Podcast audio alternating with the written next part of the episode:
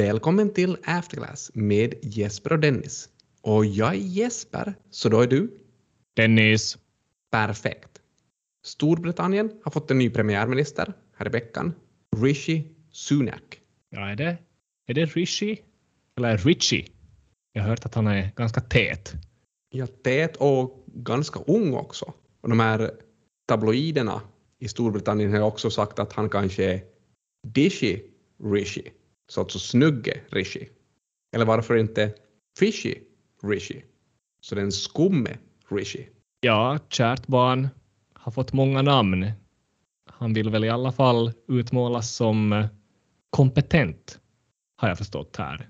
Han har ju papper från Stanford, även om ingen minns honom. Han har varit anställd på Goldman Sachs. Han är en total coke addict, såg jag i något klipp.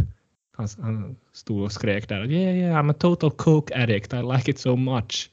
Oh, sorry, Coca-Cola addict, tillade han då sen. Det var lite skojigt. Så det verkar som en kille som haft en ganska typisk finanskarriär. Jag läste också att han har varit anställd eller partner på två hedgefonder. En hedgefond hette så här Children's Investment Fund Management.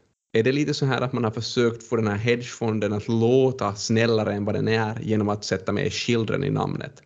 Ja, det skulle ge en liten positiv touch. Vad äger den där fonden då för typ av ja. bolag? Ja, Rich är ju förstås inte med där mera, men jag tittade snabbt att den här fondens största innehav just nu är Time Warner Cable. Så tydligen har den här fonden hittat någonting intressant i, i den här branschen. Vad skulle det här kunna vara? Någon typ av media och telekombransch. Är kanske en bransch som inte har varit så här populär de här senaste åren eftersom det är ganska investeringsintensiv. Visst var det just i det här bolaget där den ökände eller välkände John Malone var en stor aktör. Vad kallar man honom? Cable Cowboy John Malone. Ja, åtminstone var den här branschen och just den här Cable Cowboy-killen var ju väldigt känd för att ha ett jättestort fokus på ebit-DA-multipeln. Sa det han också? Ebit-DA? Kanske han sa det lite mer så här ebit-DA. Alternativt ebit-DA. Ja. Men det är alltså earnings before interest, taxes, depreciation and amortization som det där skulle vara. Alltså ett resultatmått där man har dragit av olika saker så att det är högre än nettoresultatet, högre än rörelseresultatet och så vidare. Det var många engelska termer där just så kanske vi skulle ta lite och tänka på vad betyder det här D och vad betyder det här A? Så D var depreciation och på svenska är det avskrivningar får jag något gehör. Ja, åtminstone får du rätt för det. Och det är ju genom avskrivningarna som investeringarna belastar resultatet eller nettoresultatet. Och om vi då tar amortization, så vad är det på svenska först kanske? No, det är också relaterat till avskrivningar, men kanske inte avskrivningar av byggnader och maskiner, utan mer uppdelning av eh, immateriella tillgångar till exempel.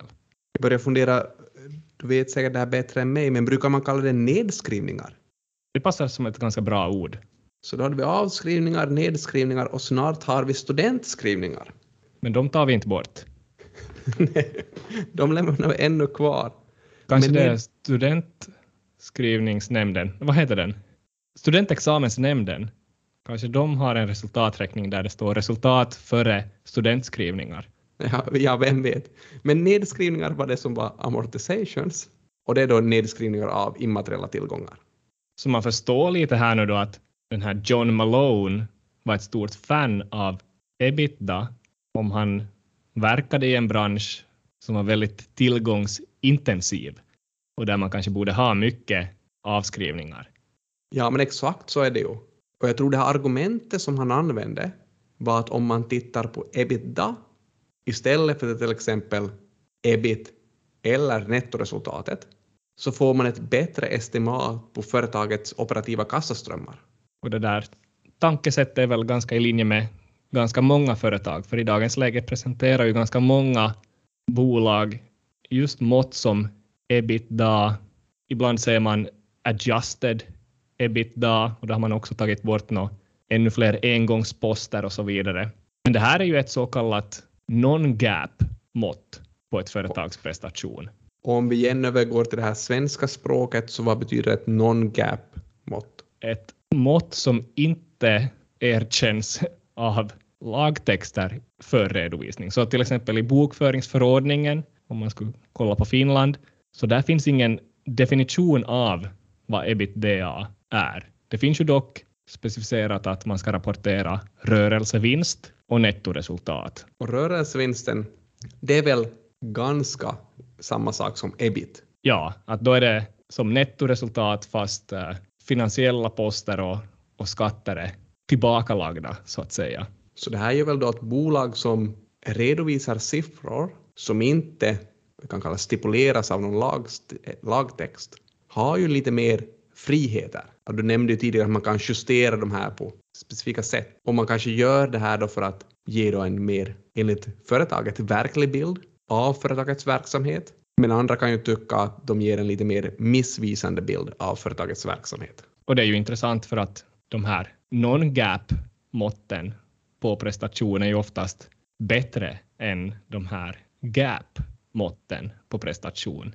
Och med gap menar jag ju här då alltså de, de som till exempel bokföringsförordningen erkänner. Gap betyder ju alltså generally accepted accounting principles. Så, så här redovisningsregler fritt översatt. Ja, för visst blir det lite missvisande om man endast fokuserar på ebitda eftersom att trots att de här avskrivningarna inte är en kassaström så kan man ju ändå se det som någon typ av kostnad som det här företaget har. Någon ska ju betala för de här investeringarna. Det är ju inte som att, som Warren Buffett brukar säga, att tandfen betalar för dem. Eller vad säger han att man ska inte tro att tandfen betalar för de här investeringarna eller capex. Nej, just det. Förr eller senare måste komma från företagets kassa. Och det är ju som så då redovisningsmässigt. Utgiften finns ju där. Man gör någon stor investering, men det är väl kanske så då att man aktiverar den här utgiften och sen blir det en kostnad över tid i form av avskrivningar exempelvis. Men i dagens läge säger jag, jag såg någon siffra, att det är närmare 100 procent eller typ 95 procent av alla de här stora bolagen i USA exempelvis som idag rapporterar sån här icke-gap-mått. Så det är ju ganska vanligt. Men kanske man kunde ha någon sån här tankesätt att desto fler icke-gap-mått som ebitda som man refererar till och desto mer man refererar till sådana mått, desto mer varningssignaler borde det väcka. Vi kunde ju då ta och titta på några av de här finländska bolagen eftersom vi är mitt uppe i en rapportsäsong. Okej, okay. vi hade ju Björn Valros på tråden förra avsnittet, eller var det ännu tidigare? Och vi nämnde någonting om UPM. Du brukar ju vara fokuserad på UPM själv också, så UPMs Q3 har väl kommit. Vad säger de?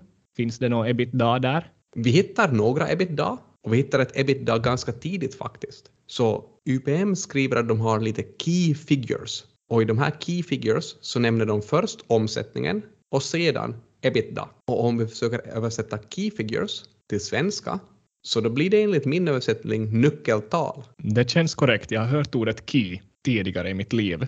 Men på något sätt, åtminstone när jag tänker på det, så trodde jag att nyckeltal är mer här avkastning på eget kapital, omsättningstillväxt eller avkastning på totala tillgångarna. Kanske man kan tänka det som att nyckeltal är någon slags paraply och det som du pratar om kanske mer är relationstal. Så att bland key figures så kanske UPM också nämner någonting annat än omsättning och ebitda. För de är ju mer utdrag ur resultaträkningen och även en sån här icke-gap resultaträkningen då. Ja, men så kanske det hänger ihop. Om man tar lite om UPMs rapport här ännu, så en helt suverän omsättningstillväxt. Så omsättningen växte med 36 procent från Q3 i fjol till Q3 i år. Och trots att vi har en suverän omsättningstillväxt och att UPM nämner ebitda tror jag inte vi behöver vara så oroliga för UPM eftersom att de inte kanske använder ebitda så mycket som ett lönsamhetsmått, utan där de pratar om ebitda är när de pratar om sin skuldsättningsgrad. Så det är just ett sån här relationstal då Man kollar hur mycket resultat som är mer kassaströmmar man har i relation till skulder som ska betalas någon gång. Ja, och i UPMs fall då, om vi tar UPM, så säger de att nettoskulden i relation till ebitda är 1,39, vilket enligt dem då är en hälsosam nivå av skuldsättningsgraden. Så det här kanske är då ett okej sätt att använda ebitda. Och kanske den här Jussi Pesonen, vdn alltså, genom åren har lärt sig hur man ska rapportera. Ja, för det kom ju en nyhet också om Jussi Pesonen för inte så länge sedan, där han meddelade att han kommer att gå i pension 2024. Och Jussi Pesonen är ju kanske en av våra favorit-VDar om Nalle Wahlroos var en av våra favoritstyrelseordföranden, eftersom att han nämndes ju redan i det första Afterclass-avsnittet. Så han, var, han har varit med väldigt länge. Och han har inte bara varit med länge i vår podcast, han har ju också varit med väldigt länge i UPM och han har varit VD för UPM ända sedan 2004. Vilket innebär att när han går i pension kommer, att han, kommer han att ha varit VD i 20 år ungefär. Och medellängden för VDR i Finland är troligen mycket kortare än det. Ja, alltså för mig känns det inte ens som att du har pratat någonting om hur lång han är, bara hur lång tid han har suttit som VD där. På tal om sån här längd av VDR. Jag såg en svensk studie om VDR och forskningsfrågan där var egentligen är VDR födda till ledare? Och de, i det här pappret så kollar de på lite olika karaktäristika och kopplade till då är den här personen en ledare eller inte? Det är skrivet av författarna Renee Adams, en man vid namn Matti Keloharju, minns du? IQ-Matti, jag minns. IQ-Matti och sen en Samuli Knypfer. Ganska intressant papper. Vad säger de här? De har alltså data från det militära i Sverige, så det är väl mest män det här, eller enbart män som det handlar om, för att inte ha ett snedvridet resultat där. Så de har väldigt många observationer här. Så i populationen är medellängden 179,1 centimeter. Och vad tror du då? Är VDR längre eller kortare än det här i snitt? Ja, min gissning är att VDR då är längre. Absolut, och speciellt bland VDR i större företag så är snittlängden faktiskt 183,5 centimeter. Så det där är statistiskt signifikant så att det bara sjunger om det. Så nu vet du det här. Ja, och du sa att populationssnittet var 179,1 centimeter, men vad är snittlängden hos män som har andra yrken då än VD, som till exempel läkare eller advokat? När de går igenom lite andra, andra yrken faktiskt där också och säger att läkarna 181 centimeter, advokater 180,7 centimeter i snitt. Så överlag känns det, känns det väl lite som att längd är en faktor som kanske leder till ett välbetalt jobb.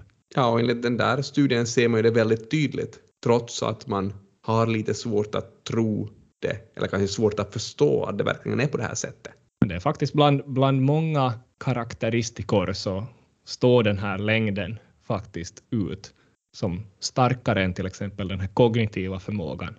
Och i den här diskussionen hamnar det då från att ha pratat om UPM och Jussi Pesonen. Så kanske vi avslutar här och går vidare till ett annat bolag. Ja, vad ska vi ta då? Jag sa ju att den här studien var gjord i Sverige. Har vi någon svensk VD i något finländskt börsbolag? Håkan Agnevall. Ska vi vända, sig, vända oss till honom? Han stod ju där på tisdagen, lite smånervös och presenterade siffrorna för Wärtsilä tillsammans med sin ekonomidirektör. Och när han stod där så hade man nog svårt att tro att det var 1 meter 83,5 centimeter som var på scen. Det kändes mer som en riktig lagom person på 1 meter och 79,1 centimeter. Jo, det, det är faktiskt som att han är en man som representerar populationen på något vis. Och gör man det så kanske man också klarar sig utan ebitda, för jag hörde inte under presentationens gång en enda ebitda-referens. De kanske skulle ha behövt det för att lönsamheten visar sig ha gått ner lite i det här bolaget ökade kostnader pressar ner marginalerna. Man var dock nöjda över positiv omsättningstillväxt och orderingång. Någon analytiker såg jag också frågade om löneinflation. Att hur är det med det? Kommer det att bli värre och högre personalkostnader i, i framtiden eller hur ser det ut? Så då svarar Håkan att inom det här servicesegmentet så har det ju faktiskt väldigt mycket löner inom Wärtsilä. För att här finns ju citat the junk of our organization. Inte så roligt att jobba inom service i Wärtsilä och få höra det. Nej, det kan ju också ha varit att, att jag misshörde att han sa the chunk of our organization och att han glömde något ord att a large chunk of our organization. Men det kan ju bara vara jag. En annan minimal grej med det här med Wärtsilä så jag såg att EPS, ett annat sån här, är det nyckeltal då? Ja, enligt den här logiken som vi introducerade blir det ett nyckeltal. Men samtidigt också ett relationstal, för det är ju resultat dividerat per med antalet aktier. Men man kan ju inte svara fel då, är det ett nyckeltal eftersom det var ett paraplybegrepp. Men hur som helst, EPS då för Wärtsilä under det här senaste Q3, så i den här rapporten står det att EPS har gått ner till 0,00 euro. Där var det noll. En mindre etisk person än Håkan, så kanske den här situationen har valt att prata mer om ebitda. Ja, alltså för att i den här rapporten ingår ju kostnader för att ta bort den här Trieste-fabriken och kanske man kunde justera det där EPS så att det inte skulle ha beaktat de kostnaderna och så skulle man ha fått det där EPS till 0,01. Jag vet inte.